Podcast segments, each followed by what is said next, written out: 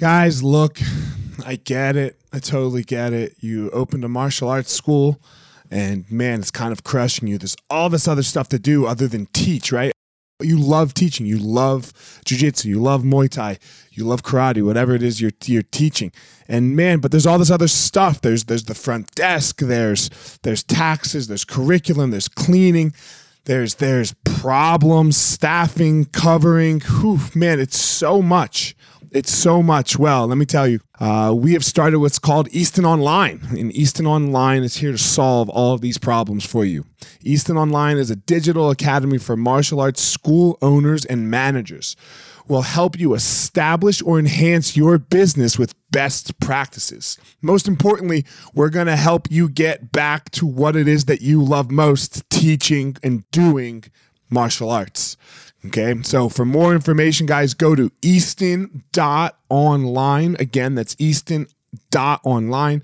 Add your email. You're going to get notified about the course launches. Our first course is going to be all about the first impression specialists, your front desk, and all kinds of stuff, special offers, promotions, as well as we started a podcast by the same name, Easton Online, that's gonna talk about our process of how how we went from a tiny little martial arts school to what is now seven martial arts schools, seven Brazilian Jiu Jitsu Muay Thai schools, um, in a very holistic way that we believe um, kept the integrity of the art and also deals with its people very well. So again, Easton dot Easton.online, enter your email and you're gonna get all you're gonna get everything you need right there. So thanks, guys.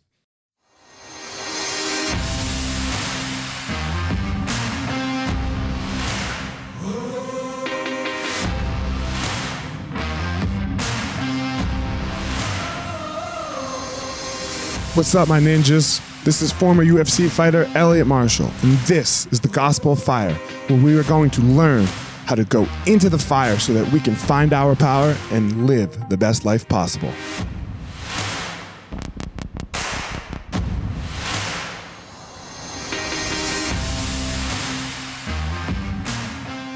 Guys, this episode of the podcast, I have my friend and uh, emergency room doctor and author of his new book, Fragile, Shannon Sovndal.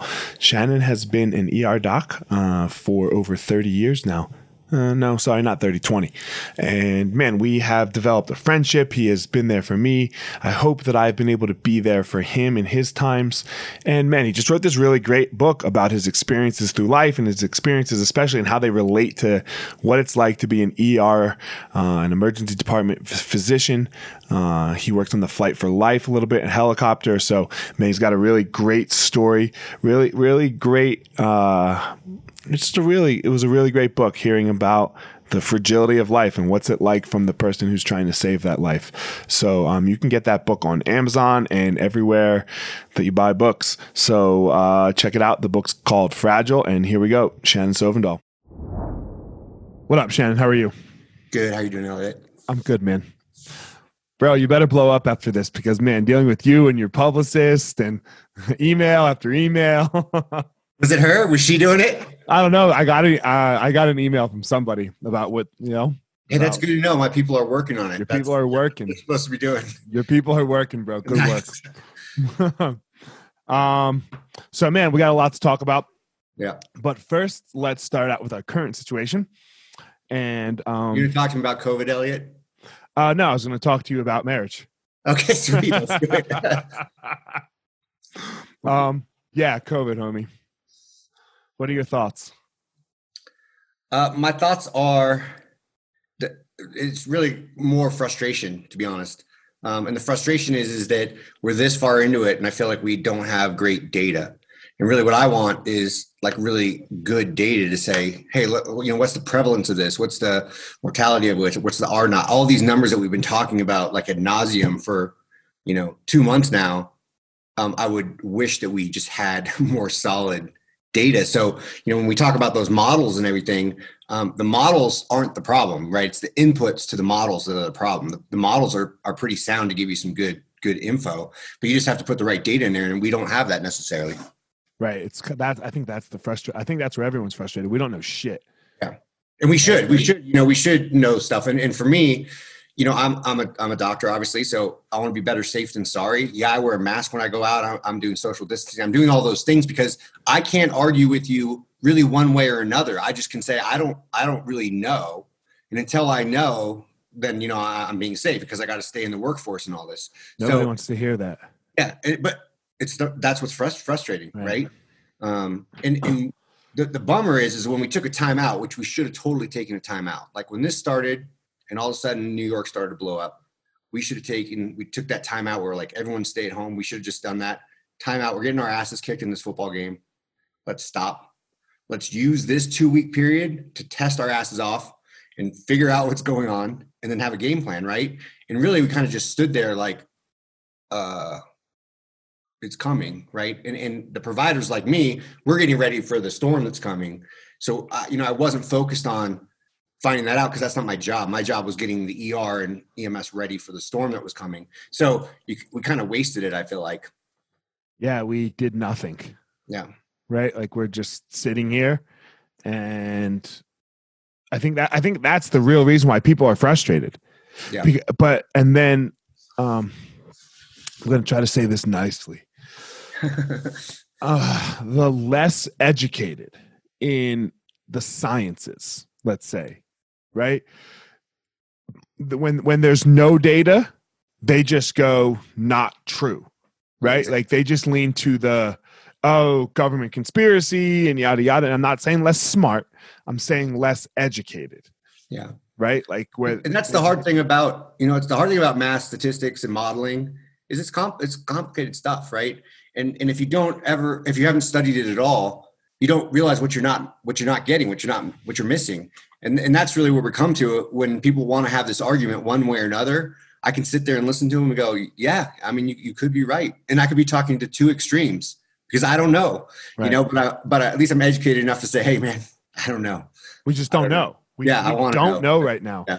you know we we don't know and fuck it's so like yeah can can i open my schools like yeah. are we okay because you know we're a young healthy population right like yeah. i mean I mean, bro, if you if you haven't gotten it yet or been exposed to it, like I, I couldn't imagine that, right? Like, yeah, I mean, I'm, i think most ER docs kind of went into this thinking that they're going to get it.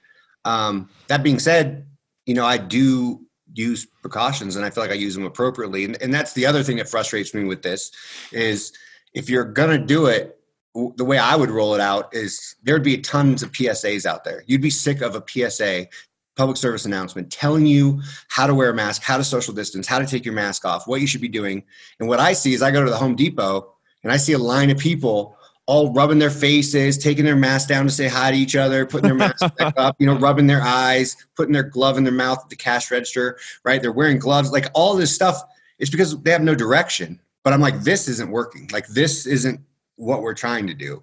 Um, you know, but that being said, that's why why I feel like you know there's potential that I could go to work and not get it because I put my gear on and I'm very vigilant. I take like one break a shift where I clean everything, clean my hands, take the mask off, clean my hands again, drink, put my stuff back on, and go back out to work. Right. So it's it's very tedious, and it's and the other thing that's stressful about this, I think, for the populace is it's fatiguing, meaning you get fatigue of being careful. And so if we do need to be careful, which again we don't know, but we kind of used it up. We used it up without knowing, right? You you really had to hit it hard to say this is what you need to do. This is how you have to do it. Yeah, I'm I'm over being careful. Uh, I'll be super honest, right? Like, I mean, I saw you. I saw you. I, I mean, I'll just be honest. I saw you the other day at Katz's office and gave you a high five. Yeah. What up? Shook your hand, so, right? And again, this this speaks to the, the way that the disease is transmitted. For me, you know, my big thing right now like I, I think that we should open things up, but I think that we should do it safely. Full go, open everything. No, what I mean is you should start to roll open the economy, meaning businesses open. But but what I would say is the caveat is is that you need to wear a mask when you're out in public, or you need to attempt to be social distance. You need to be far away from each other. And me touching things with my hands, high fiving people, is not an issue. My skin works great. My skin is great barrier for the the virus, right? The problem is is when I take my hands and I touch my face right? So I know that I have a mask on. Before I ever put my hands to my face to touch my mask, I pump my hands or I wash them. Period. Habit. So it doesn't matter how many people I high five because I'm you know, unless you're sneezing and blowing particles out in space, you know, I, am okay. I'm okay with that mask on. Um, and again, that gets into again the, the information and how viruses are spread, um, which I think is a, another frustrating piece. When are you going to walk into a jiu-jitsu academy and train with everybody again? I don't know. You wouldn't do it now, though, would you? No, and I wouldn't do it now because I don't know, and because I have to stay in the game. Meaning, my game right now is being available for Boulder right? Like we we need to be able to be an ER for them. I need to be at work. I need to not have all our docs out of work because we got we got sloppy, right? So I'm thinking of it from a standpoint of um, you know I take being a doctor seriously, and the, the, people who work with me do as well. You know, all those people providers they show up, they do their job, and I want to stay in the fight, so to speak. Like I don't want to get sick so that I can't go to work. Okay, um, let's back so, that off then. Hold yeah. on.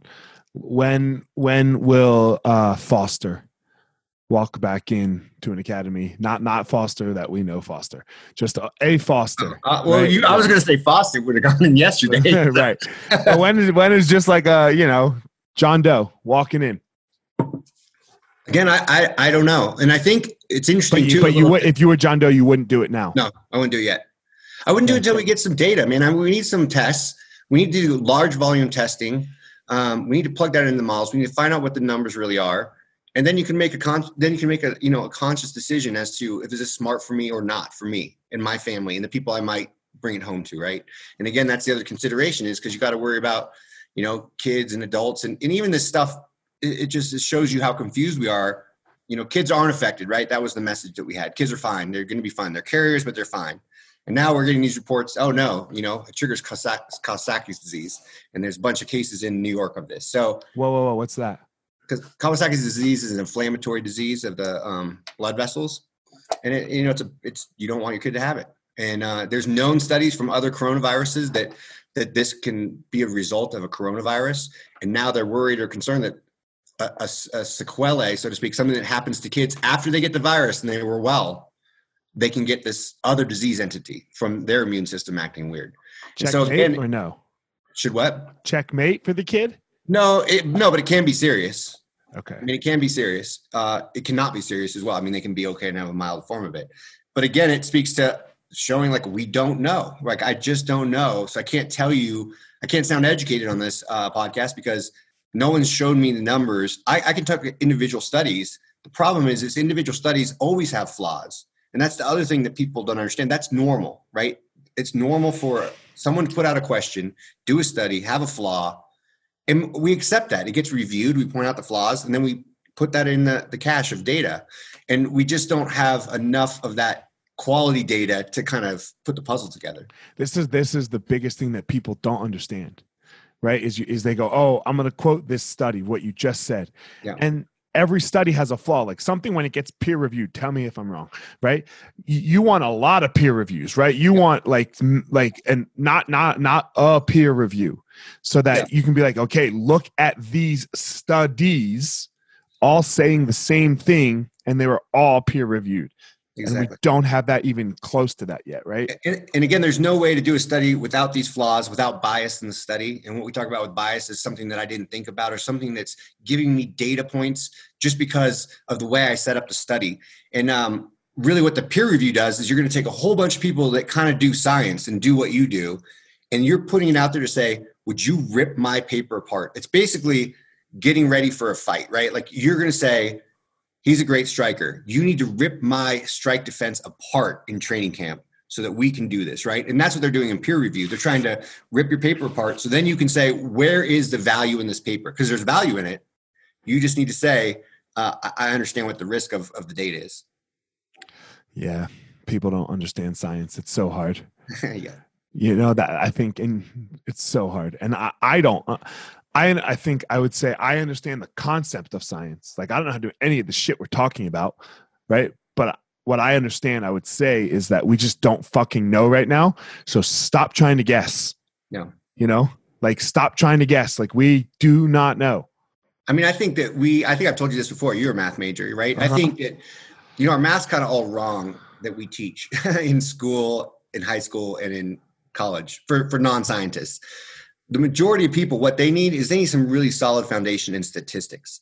Like in what numbers mean when someone is trying to get you to do something, right? And, and, and I say this because you can manipulate an audience so by easily. the numbers so easily with statistics, right? And so you really need to be able to look at it and say, how are they trying to manipulate me right now? Like, you know, if I even tell you, I go, Elliot, man, you, you know, you you could catch COVID, you could catch COVID and die. You have a you have a one in thousand chance of dying, saying COVID, right? If I say you drink a, a bottle of wine and you have a one hundred percent increased risk of catching COVID if you do that, that means that you went to two in a thousand, right? So it doesn't necessarily mean, or even let's put it one in a hundred thousand. And now we say two in a hundred thousand. And you're and I can scare you with that number. I can be like a hundred percent increase in your likelihood to die. And you're like, yeah, but it's two in a hundred thousand or a million. It doesn't matter. I hundred percent increase the risk, right? So um It it's just, I just had a very similar thing with me personally, not with COVID. I, I think I told you about this. Uh, we we ran. I had a heart scan, right? Uh, when I, oh yeah, yeah, yeah, yeah. you know, I had a heart scan, and my number, my plaque number, was one, right? Which is fine, you know, totally fine. I think what what's the number that you start to worry at? Oh, I don't do that preventative health, but it's it's up, it's way It's- above that. It's Yeah. way above one. Yeah.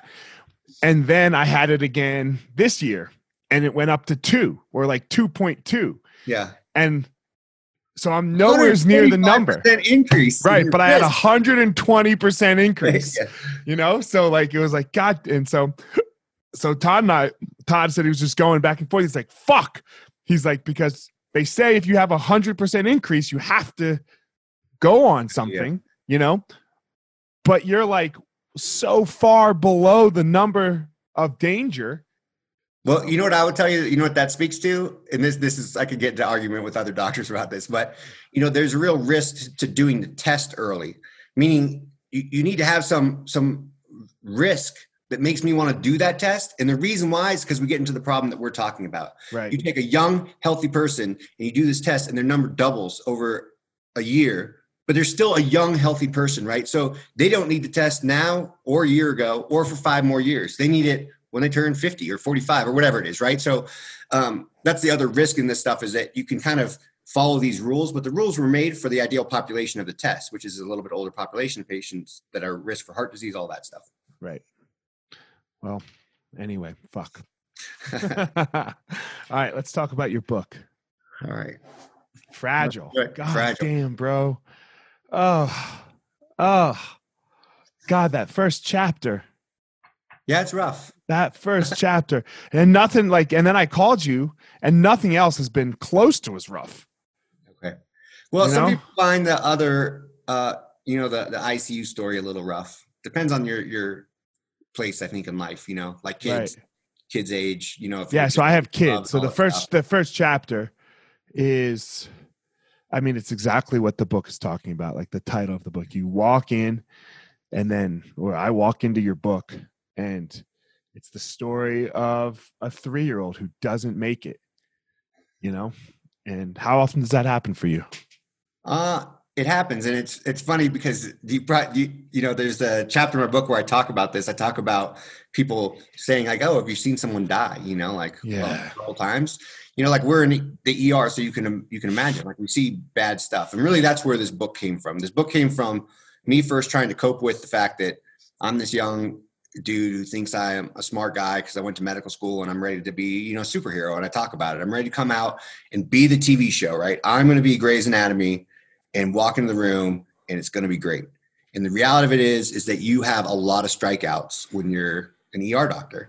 And those strikeouts take a, a toll, right? Because it's not for free that you see a three year old die, especially when you have kids. And so when you have to deal with that, when you have to deal with the mother and you have to deal with your own self, you know, going home after that, that's where this book came from. It came from me saying, like, holy shit. When Like- did you write this book again? Like when, When? when yeah. Oh, it's I've been writing it for about eight years, eight or nine years probably, to be honest. So right, so I guess that's why I was asking. So this was before. I mean, can we talk about the Surveyor story? Because that was, Yeah. I mean, there was talk about like to go along with your ER doctor, Yeah. right? I mean, And- you and I think you that- had your own kid. And I'll go into that, but I think to give people a backdrop on Fragile. So, you know, when you're listening to this, this isn't a book, you know, and I hope it's not a book when you read it. This isn't a book of like, hey, these are ER short stories. You know, that's not the purpose of this book. The purpose of this book is that you know, for everybody, and it's it's so relevant right now in a pandemic, right? Three months ago, people I could say, hey, life is fragile. You get a car accident any moment, you can have a heart attack, you can suddenly, you know, drop down dead from a stroke. All these things can happen. Your world is turned upside down from where you thought it was. But now we jump forward to this pandemic, and it's not me talking to you about this, and it's not us talking about people in the United States. It's the whole freaking world had their head turned upside down, right? World as we knew know it is changed, right? Life's fragile because all of a sudden all this stuff is different. And over the course of that eight years when I'm writing, I didn't set out to write fragile. I set out to cope with a three-year-old dying, you know, by writing a story down. But what I found is that, you know, it, it definitely can pull you in, you know, and, and I know you deal with anxiety and, and depression and stuff. And I definitely dealt with that stuff in med school and residency to the point I almost was like, I don't want to do this job like I'm going to finish because I'm not quitting, but I, I don't want to really be a doctor at this point. And it's because seeing that stuff, it can really pull you in. That emotion can pull you in. And if people have ever felt that depression, it, it's like a black hole. That's how I describe it. It it like sucks everything from you where you're just almost like not able to function, right? Because you're you're right there. But if you can end up not getting totally sucked in and not getting ruined, man, that has opened everything up for me. Like I am in a much better, stronger place now, really because I wrote this. It's like a ther- it was like a therapy session, right? And so the life is fragile, but it's the book's about resiliency from that moment, from seeing these things. How does that change me? How when I wake up in the morning, do I feel different every day? Um, you know, it's all about opening that up. And obviously, you know, I'd written most of this book when the survey of my daughter's stuff happened. Um, so, you know, the emotion that I put into here when you said you know, damn, dude, I read that first chapter. Like it's that hard for me to write it. Like I can't almost even read it today. Like when I'm doing my Audible book, I have to stop. Like I have to stop in the middle of the chapter because I get choked up because it's, you know, it's bringing those emotions home, you know, what we're talking about. How do you deal with it? Like, how do you, how did you deal with that day? How, like, like, well, I called you. You're talking about the day of Savea? No, uh, no, I know Savea. Yeah, yeah, yeah. I remember uh, Survey. I was in Hawaii on Survey, and yeah, you were like, "Yo, yeah. dude, you might have to come home." Yeah, yeah. You're right. Like, yeah. and we would have come home. Yeah, you know, but that's a different t- topic. Um, I mean, yeah, my daughter had what I was referring to. My daughter Survey had an open heart surgery when she was three months old, and so when she was going in for open, a heart, dangerous one. Yeah, when she was going in for open, any open, like they're you know they stop her heart, right? right. They put her on bypass. The surgeon operates on her heart, and then they restart her after cooling her down. So um, you know, obviously going into that, handing handing her off to the providers and watching them walk, you know, that's like I hope nobody else has to experience that, you know. And then that obviously prompted me. I think it was the night before you were when you were in Hawaii. It was the night before surgery. I called you and just was like, "Hey, you know, you, you're gonna have to come home if this doesn't go well." But yeah, yeah, I don't like to think about that. Fuck, yeah. right? Like so how do you deal with how'd you deal with that night after of the the, the story in your book, right? The the yeah. the, the three year old, you know. Because... I think I think it's changed. It's changed over time, and obviously, it's a lot of the book explaining how I deal with those things. I think the hardest part for you know the ER, which some people don't even think about, is you know you have a kid or you have someone die or you have this terrible thing happen. The ER is still functioning, right? People are still checking in. Ambulances are still coming in. So it's it's kind of like you have to have this protective mechanism in the moment to just be like, I can shut down my emotions because I have four more hours of work right now, right? I'm, i start the book out with me being in the room and saying, I just kicked my ass, but I got to go, you know, I got to go do this job. And, and, and that part of it is interesting because that part is, is I struggled with, meaning how could I be so cold in a moment to like see a kid die and just be like, hey, what's the next patient? Let me go do this, right? Sure, you can't call in backup. You don't get like you don't call in the next on call doc. Yeah. Has that ever happened? I mean, has it ever been so bad that that like another doc has just had to come in because what happened was so bad? Yeah, it happens, but it's pretty rare. I mean, it happens, you know, once every couple months.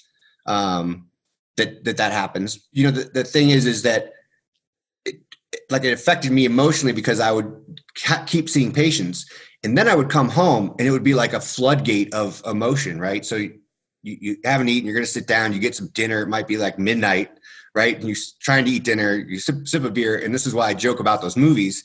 A movie comes on and it could be a totally cheesy movie, but there's an emotional scene in the movie and you just lose your shit, right? Like I'm like sitting on the couch by myself eating dinner going, why am I crying, you know, watching the notebook right now?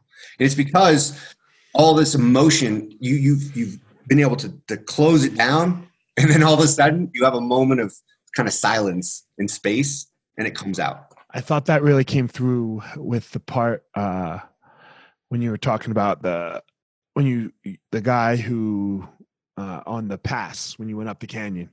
Oh yeah, right? yeah. And he went out for what did he go out for Chinese food or something? Yeah. You know, and then you know days later you like got in your truck and you like put it in reverse. What were you going out for? I don't remember. I was gonna go get some uh, Chipotle. Some Chipotle, yeah. You know, and you were like, "Fuck, Chipotle." Yeah, deadly, de- deadly, dangerous. Right. Yeah. And it's great. I mean, that that's what the point of this is. Is that you know I think if you you if you've experienced these moments, you know, and a lot of us have have um, you know different moments in our life when loved ones die and things like that where we experience it. and so you you feel that emotion the difference is you do this on a regular basis like in my work right i have to deal with the family and the and, and that's almost the the worst part, right? You have to deal with the, the, the crisis and the problem, and then you have to go talk to the family. And those emotions, you know, are raw and real, and you're you're led into these emotions that are not normal, right? It's not a normal thing that you should be seeing this all the time. And uh, I think that that is what kind of opens it up, and it makes you have to deal with it. And it made me come to the other side. Like, how can I either let this ruin me? I'm going to become an alcoholic and you know be depressed, and my life is ruined, or I, I have to somehow come out of it. And that that's really this this this point where over this eight years writing this book, it changed a lot because I was figuring out how to deal with it. How, how have you changed? I've changed with the my opening up really, like realizing that I, I was always trying to be a very level person, like in my life. So, you know, I was always reliable and they're like, Shannon will be fine. Like my family, they don't worry about me. Like he'll do fine in school. He'll do his stuff. Right. And I always had this kind of facade of like I'm fine. And I was almost afraid to let myself experience a high because I was afraid of the low, right? And so then once you start to feel those lows where you're like, wow, I'm really down here, you can then kind of get fully opened up to say, wow, this moment on the beach with my wife is way more unbelievable than I thought it was, or even simple things. And, and, this is like the biggest thing that's changed over time is I find honest, true joy in really small things like really small things. I could be like, that Coca Cola is amazing, right? It's so good. Or the moon looks so amazing tonight. And just, just I keep mentioning this in the book, really, you know, like I talk about time and take a, you know, breathe in and breathe out, and the clock ticks forward and back, right? It's because you need to slow the clock. You need to be in the moment, right? And, and we're so busy in our life. Everything is so pressured, and we're, we chase so many superficial goals that really life is in the moment and there's so much in those moments that you can experience and it, it brings you like joy and when i mean joy it's not like jumping up and down like you know the 49ers won the super bowl. It's it's joy where you have a real sense of connection and satisfaction you know inside. So and you, you also you talk about god a lot in the book you know? But it doesn't seem like you have a super uh you, you talk about how your wife, Steph, she does have a traditional idea of God. Yeah, yeah. You would say, right? And it doesn't seem like you do have a traditional idea of God. Yeah. Like, how do you how do you reconcile it with God? And you told, I mean, I don't, I think, I don't know if we've talked about God recently, but I mean, so my views on God have changed. But what, like, what, uh, how how do you reconcile God? So again, yeah, my wife, you know, she's traditional. She's like did mission work and we talk about that I don't have enough faith, and she doesn't want her kids to have their doesn't want the boys' yeah. girlfriends to sit on their laps. exactly.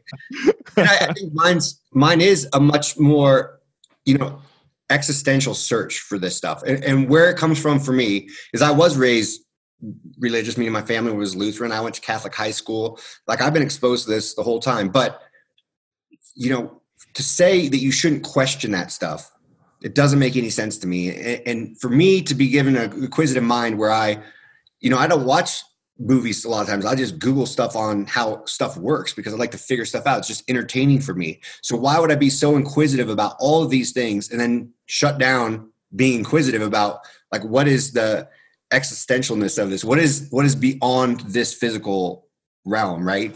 And that's what I spend my time thinking. And we can name it a lot of things. I use God because that's the framework with which I was brought up. I was brought up that there's a God. Um, but again, it doesn't make sense to me to say, you can just tell me that on Sunday at church and I'm going to say, he said it, so it's so. That's just not the way that I'm really wired. And so, you know, my struggle and what I try to bring across in the book is I want to know, like, but I want to question it as well. And just because you question it doesn't mean that you're you're like a bad person or that you don't have faith. And and you know, kind of address that that you got to have a little faith to say I'm going to spend time thinking about it. But you know, I was talking with Cats when we saw each other the other day. We were talking about you know the size of the solar system, right? And you can say that that star has been blown up a billion years ago or whatever it is, right? And so when you look at that and you talk about how vast all this stuff is and how everything works and how our planet works, like it is it is odd to me to say there can't be something else ab- above us. And I, I even use weird, you know, we talk about extra dimensions and like string theory and all this craziness. I don't know, but it, I can't see that this is just it. And that's kind of where it comes from. And because because it's almost um, you know either extreme of that, meaning that there is no God or that there is a God. Both of those extremes are very interesting to me. you know, and so that's where I spend my time writing about it or talking about it. Yeah, they're interesting to me too. Yeah, you know, they're super interesting to me. Um, I had a God experience. You you were you had said you were an atheist like a year ago, right? A year ago, no. Uh, five years ago, yeah. Uh, I'm still pretty atheistic to all of the religions, I would say, that we have been introduced to. Right? I, I would still say I'm very atheistic to that. They like, yeah, I don't, I don't believe in, I don't like, okay, I mean, just the, the Western one. Yeah. I don't think Jesus died and came back to life. I think he probably, I think he existed and he fucking died, yeah. you know? Uh, I think that, that, that that's the key though, too, for me is that you know there's there's human stuff put into all this all all the stuff that we talk about and uh religion is ritual right mm-hmm. it's like a way to try to express what we just don't understand and so again for me separating out the ritual from right. thought process is really what's key. look i had one the other day man. Uh, i told you my best friend my best friend from childhood passed away right? Um fuck i was getting a massage. And did i tell you this whole story already or no? You told i mean you told me briefly. So I, I, was getting a massage, right? And she was rubbing like I hold like all of my tension and stress is like from like the base of my neck to to like my mid mid back, you know. So she's rubbing my mid back, my my shoulder, my upper back. I'm sorry, and bro, it was fucking painful, like painful to the point where I was like, oh god, I might need her to stop, you know. And I like I like a hard massage. Um, but right before I was about to tell her to stop, like the the pain turned into intense nausea like intense, intense nausea. Again, I was like, oh my God, I might, I might vomit. I got, I might have to go to the toilet, you know? And the second the nausea passed, I was 10 to 12 and I was just sitting on my buddy's couch. It was the two of us and we were just hanging out. And it wasn't a memory. Like it was not a fucking memory. It wasn't like, oh yeah, I remember that time you know, it was just the two of us hanging out right there for like 30 seconds. We didn't say a word to each other. I don't, we didn't even look at each other. Yeah. Like I was just back there hanging out with them and we were together. So yeah. I can't, I can't explain that, you know? Yeah. I mean, I, I actually have a couple little stories like that in Fragile, you know, like the one with the advisor telling us, yeah, not, it's like it's, it's real. It's not like a, it's not like a memory thing. Like you said, yeah. it's the sense that you're feeling it, you know, remember I told you when uh, I was having such bad tension in my neck and uh-huh. my Zeus was like working on me. He said, Hey, I have a, you know, can I ask you some questions about this? You can't look left. And he said, How did you hurt yourself? And I was like, I was warming up. And he's like, Let me get this straight. You're a black belt in jiu jitsu. You were just warming up with a barbell and you all of a sudden can't look to the left. Right. And, and I was like, yeah. And he said, when did it start? And I said, it started right when my daughter was born, like a week before my daughter was born. And he's like, was there anything stressful that? And I was like, no, I mean, it was fine, you know, delivery. I go, but she didn't end up having open heart surgery. And he stopped and he's like, which way can't you look? And I was like, I can't look to the left. And he's like, well, that's, that's obviously what I'm feeling here. You're afraid, you're afraid to even look at the heart because you you knew that your daughter had this problem. And I sound crazy, you know, when I'm saying this on a podcast. Like when I tell the story, I'm like, yeah, it's crazy story. But after he did that, the next week, I she was like three when I when he was and I can look, I can like move my neck right after like talking about this, and it was so weird. It it always again, you know, I would say that's total voodoo, that's crazy, but I, I have to observe stuff. I have to observe when it happens. I'm like, it happens, you know? I, right. No, I hear you. I, I was sitting on the fucking couch. I was 12 years old until however old I was. Right. Like it, like, I don't know what to tell you. Yeah. It's crazy. Like, you know, it's crazy. So like, I guess my stance on all of this has moved, you know, from the, there's no, like, I don't know if it's moved or not. I, I definitely have more space for, for God in my life, you know? I definitely don't. I definitely. I'm. I'm not getting down with. You know, he's my savior, or or anything's here to save me. So, I mean, do you? I mean, like, what do you? I mean, you've had to comfort a lot of people in your day, probably. Yeah. I mean, I think that that again, what what it does for me um, is I try to I try to read what what people need, obviously, right? Because everyone copes with it differently, and everyone frames it differently. And so, you know, if someone wants you know if they're clearly religious and they're praying they have the rosary beads out right that that's the route i'm going doing it yeah and so um i think it just depends on kind of what you're sensing in the moment and i and i think what's changed for me too is it's it's really hard because when the er is busy right i have to go in there and give that person this news and i have to make them feel like i'm there for them right but i'm i'm actually listening right you hear the overhead pages all the time right it's like you know trauma five minutes room five like you know so i'm still kind of there but not. And uh, it, it's really, I think, difficult. It's something you have to learn to say, I need to give them what they need right now. But I, but I am still at work, you know, and it is a struggle. It's a hard piece of it. Um, I did learn some changing changing the topic. We'll come back to to a little more. I did learn something about. I didn't think you went. I didn't know you went to Columbia. Yeah, I went to Columbia. Yeah, I thought you went to Stanford. I did. So I went to Stanford residency. Yeah, for residency. Yeah. So I didn't. You know, I was like, God, I was like, God, he, he I flunked out of the out of uh, the Air Force. Yeah. You know, I was like, that sucked. I thought you were going to tell another story about how you didn't, how like something happened at Columbia.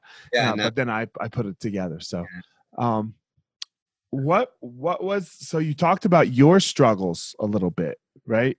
Was that at Columbia or was that at Stanford? That was, it started at Columbia. It started at Columbia. Okay. Yeah.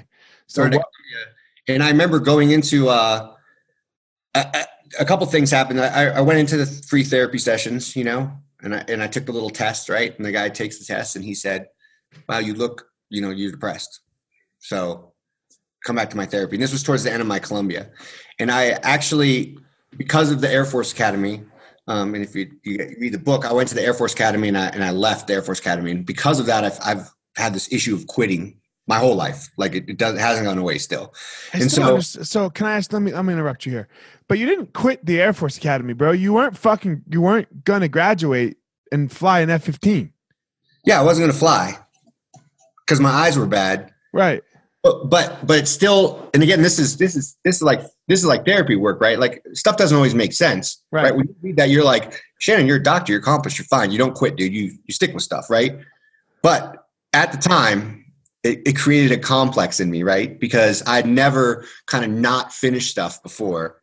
And it had been such a long goal of mine, like since I was little, for real, um, that I was like kind of lost. And I was like, wow, mm. stuck that out. And you could be a doctor after you graduated from the Air Force Academy. That didn't change anything. You know what I mean? Like, so these things that I kind of put on myself uh, just just weighed it down. Um, oh, I, I get it. Yeah, I don't sleep it, either. I know. It don't make sense to people on the outside. Only yeah. Make, yeah. you know, on the inside. So, um, yeah, but then I thought maybe, um, you know, I'll finish Columbia for sure. I'm going to be a doctor. Um, but I don't know if I'll do residency. This is actually another weird Ram story, which sounds weird. But when I was finishing Columbia, I was honestly like, I don't think medicine's for me, um, but I'm not quitting. So I'll get my MD. And then what can I do with this? And I was, you know, another probably TV show, but I could be like Scully on the X Files. You know, I could go work for the FBI.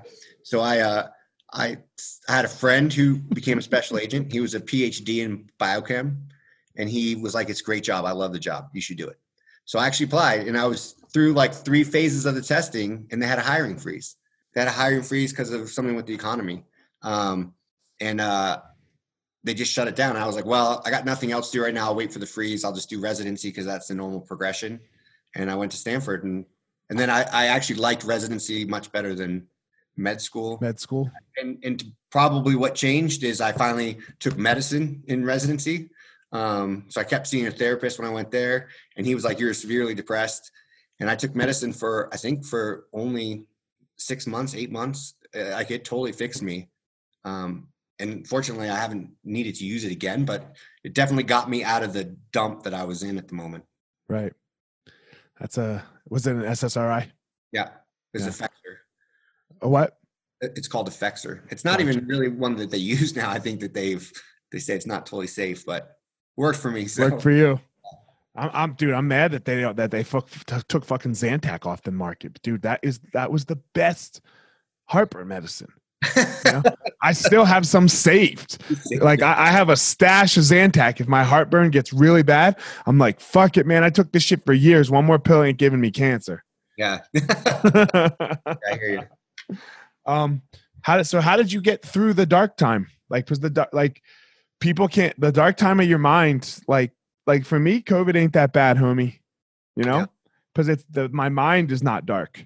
I think th- I saw an ad on TV not that long ago for um, for like an SSRI medicine, and it was the, the ad has the pe- person holding the face in front of their Yeah, I've face, seen this one. Okay. and, and it that like really hit home for me though because I was I was very good um, at, at faking it on the outside, right? So I could go to work, like I would go to you know I was in med school, I, in, in residency, I would go to work, but I remember like getting on the train or getting home, you know, and you would just be like, I don't want to talk to anybody, I want to cry, I'm I'm going to shut my door, and Right. and so I I think probably in part the fact that I had that structure of having to go to work at least every day probably kept me going because it gave me some structure in the day to kind of put put my stuff together, you know.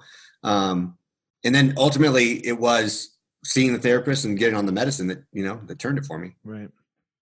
Fuck, I always wonder a, a question that like I I ask myself a lot. Like, so like you know, you say you're able to go to work, you know, and that guy. What if it was twenty percent worse?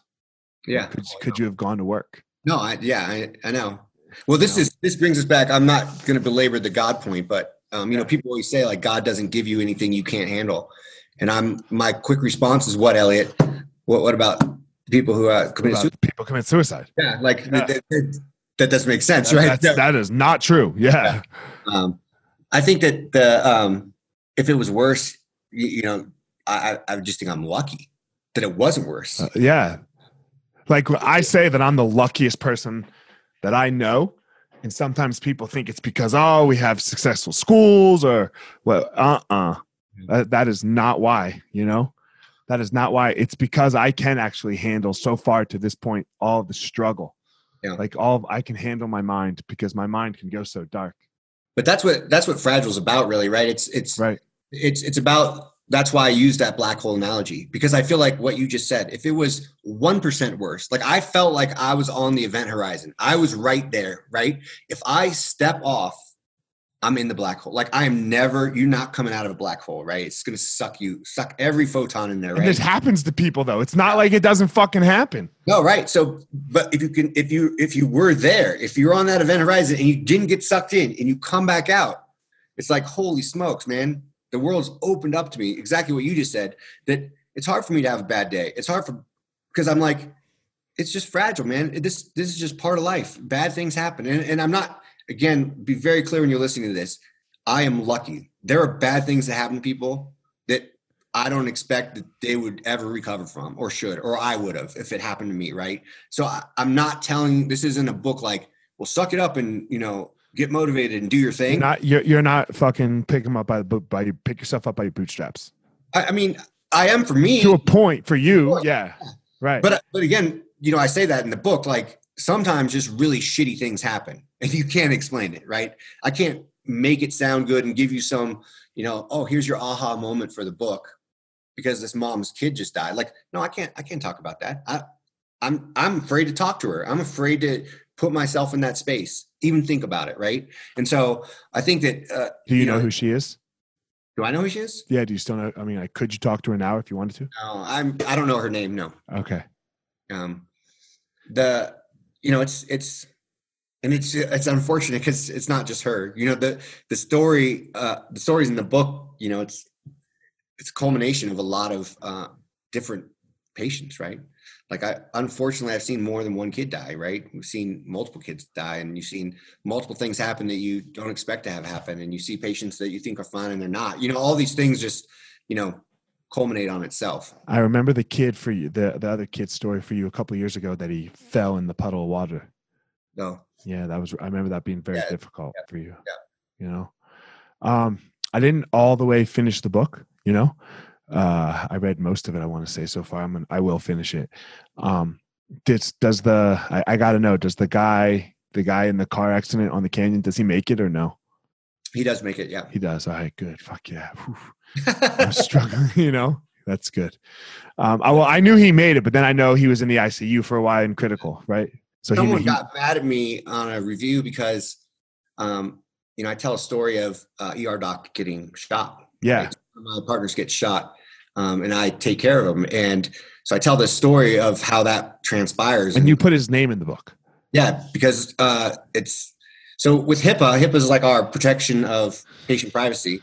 Um, so I I approached him and said, "Hey, I I want to write this story about you. You know, can I can I do it?" And so you have to get a lawyer, and the lawyer you know asks the patient. The patient says, "On this day, you can tell the story of taking care of me in the ER, right?" And you do this whole thing. So so yeah, I used the name because it's it's a story that just real to me, and anybody that knows me knows who this is, meaning any person that works in the hospital and then things like that.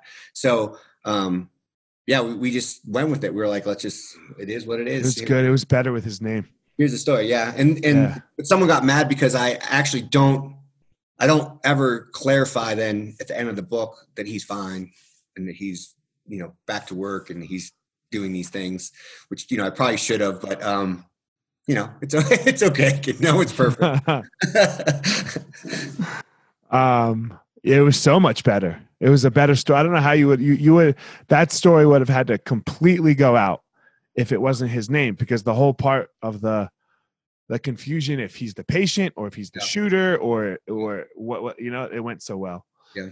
Um I want to wrap this up with talking about what it's like for your wife and your family and your kids, right? Because uh, I want to start with your kids. I want to start and, and not and not not the babies because Yeah. they don't really know the difference yet, right? But like T and Soren who have who have grown up, right?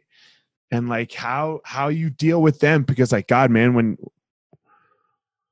I mean, like Savea probably doesn't know when somebody dies in the ER, yeah. right? Like you come home, somebody dies in the ER, your daddy, she can probably barely tell you're having a bad day, but she's going to get to an age where she is going to be Yeah, able yeah. to tell. What's, Yeah. what, how do you deal with the kids? I mean, I, I think it's hard. I try to, um, you know, I, the first thing that I think they would probably say is that I'm I'm honest with them about like how I'm doing. But that doesn't mean that I'm at home, you know, crying at my desk when they walk in and I say hi. It's more that if I have a real struggle or, or something stressing me and I know I'm on edge, like I just tell them, I'm like, hey, dudes, tonight, you know, like you got to go easy because I had a rough day, right? And so they'll be like, okay. That's when they're older now. They kind of, you know, don't know that stuff. I think that both of them would probably say um, that they don't want to be a doctor. and, and the reason for that is I, I think that they see a little bit of the struggle that goes on after you get off shift, you know, that, that it does affect you, that it is demanding, that you do have to, you know, keep working at it. It's time consuming, all these things that, you know, everyone knows kind of about doctors that, you know, they work a lot and they do all this stuff. Um, you know, they would probably say, yeah, that might not be for me. I'd rather have some more, uh, you know, video game time. Um, but that's not to say that they- they're great boys and you know they're great boys, right? They're smart, they well in school, um, super good. They just, I think they don't want the baggage of it. And how about Steph? What's it like for her? I mean, I think it's it's really tough on the the spouse of people that do that. And and Steph, you know, people should know she's a firefighter, she's paramedic, so she at least has uh, she has similar experience, you know, and she has similar things that happen in her role in her life.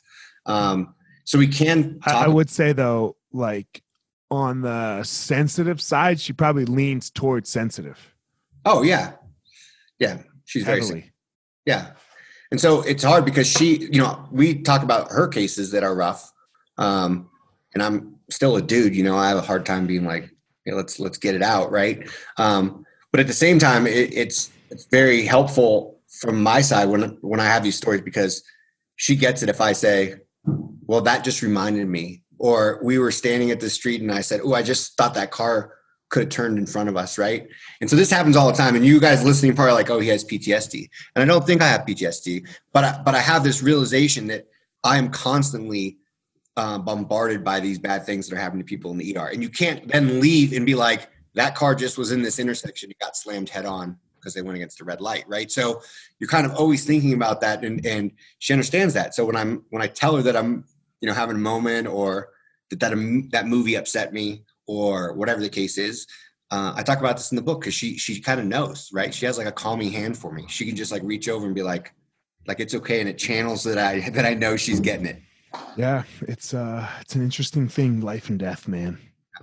Right? I have a, I have a coin in my, I have the, I have the Daily Stoic coin in my car. The you could leave yeah. life at memento mori. You could leave life at any moment. You know, and I try to think about that. And I, you know, um, Elliot, what's your what's your thought on? Uh, I had a friend read this book, and he read it early on, like okay. maybe two years ago, and he just wrote to me and he was like, "Oh, you, you're stoic," and I was like, "I'm a stoic," and he goes, "Yeah, you're stoic. You didn't really really know. Do you think that that comes across in this book? Because I know you're into stoicism, so." I uh, do I think you're a stoic? No. Oh, I don't know. Do I think you're a stoic? I think, God, uh, do I? Uh, does God can? I mean, I have to ask you a question. Yeah. You know, uh, does God care about you? um, I would lean toward yes. Okay, then no, you're not a fucking stoic. Yeah, but but what I'm talking about with stoicism is it's and again I I I'm not labeling it this, but right. um, it's the it is that taking life in the moment and taking you you you don't want to preconceive what you are determining is good and bad. Um, you're letting the moment come, and then you're taking something from that moment. That's a lot of things, though right that's a lot of things so i, I don't think so stoicism yeah like so i mean i think that's christianity too you know? And i think that's judaism and i think that's islam and i think that's buddhism and i think that's taoism. Like i'm, I'm pretty sure that's all of them hmm. you know? Um because i mean I, i'm landing on the place where i think they're all very similar. Um yeah. but I, I would say the big thing with stoicism is the, the gods don't care about us. Yeah yeah. Like that that's a that's a defining thing in stoicism where they yeah. you take what you have in the moment you know um, and it's not it's not necessarily this lesson from God, right? Yeah. Where like He will, you know. But I don't know because you don't believe that God can. God gives you everything uh, that you can handle because people kill themselves. But, but and this is what so I. Then how, so then, how does He care about you? Well, so this is where it comes to. This is where I was getting into the ridiculousness of thinking about it and and doing a thought problem with this stuff. Right. What, what we're right doing. Now right? You, you find out where you start to stumble and where you where it falls apart a little bit. But again, going to every time that I read something current, this is my current state. So it changes over time.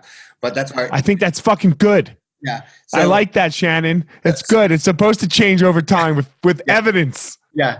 So when we're looking at um like the universe, you know, we we do have all these new theories and you know, is the universe is it is it finite? Is it not finite? Right? That's that, that changes everything a little bit for me too, as I talk about in my book. Um, the string theory and all these, you know, extra dimensions and things. What it shapes me as is that I feel like I have no perspective as to my space in in this world in the universe and whatever you want to call it. Like I, I just don't have a grasp on what that means. So my view is so limited that again, making a decision as to whether uh, uh, all powerful force being whatever cares or doesn't care i don't have a perspective on that and then for me what i land to what i said right now is that man this is like uh what would i prefer you know like what would i prefer that's well, kind of fuck i always prefer that he does yeah so so but again because i don't have because i don't have an answer you know like i'm kind of like well, I can choose this one or this one. This one sits a little bit better with me. I'm going to go with that until I have more uh, info. Because it feels better. Like it definitely feels better. Like, like Yeah. there's no way that it it doesn't feel good to be like, oh man, the, the the power of the fucking universe doesn't give a flying fuck about me, right? That like that's like you know. You're gonna walk upstairs and Steph's gonna be banging some other dude and just wave at you and be like, "Hi," right? Like, I'll be like, know? I changed my Elliot. I changed my mind.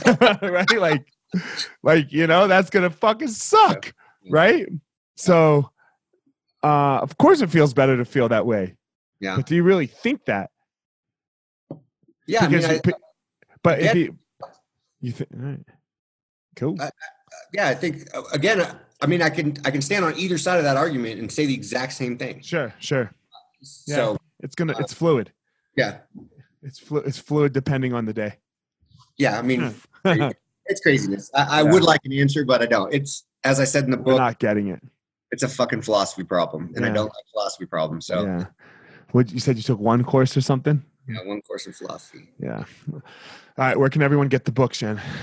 Uh, you can get it, uh, it really anywhere, Barnes and Noble, Amazon.com. It's in hard. I mean, it's in paperback. Here's a, like a pre-release version of it, but this is what you get from Amazon. Uh, it's in the Kindle. It's going to be on Audible in a probably a month.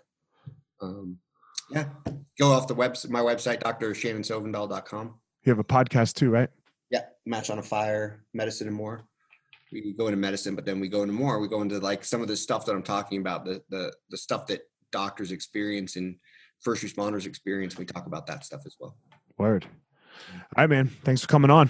Thanks for having me, man. It's fun. Yeah, man. Guys, as always, we all have a unique power. Every single one of us. Shannon's and mine and you know, your mom's and your dad's. Go out there and find your power. Don't let don't let them influence you. Don't let me influence you. Don't let Shannon influence you. Unless the influence is to figure out what is your unique power and go out there and discover it in the world. All right, everyone, thanks for listening to this episode of The Gospel of Fire. If you enjoyed the episode, I'd love a review on iTunes or wherever you are listening to this podcast. Don't forget to follow me on social media at Fire Marshal 205. If you are a BJJ enthusiast, check out my YouTube channel. I put all kinds of instructional DVD uh, videos out on there, so go check it out. My book is still out on Amazon by the same name as the podcast, The- The Gospel of Fire. So if you are interested, go check out that. And most importantly, guys, go out there every day, find your power. Thanks a lot.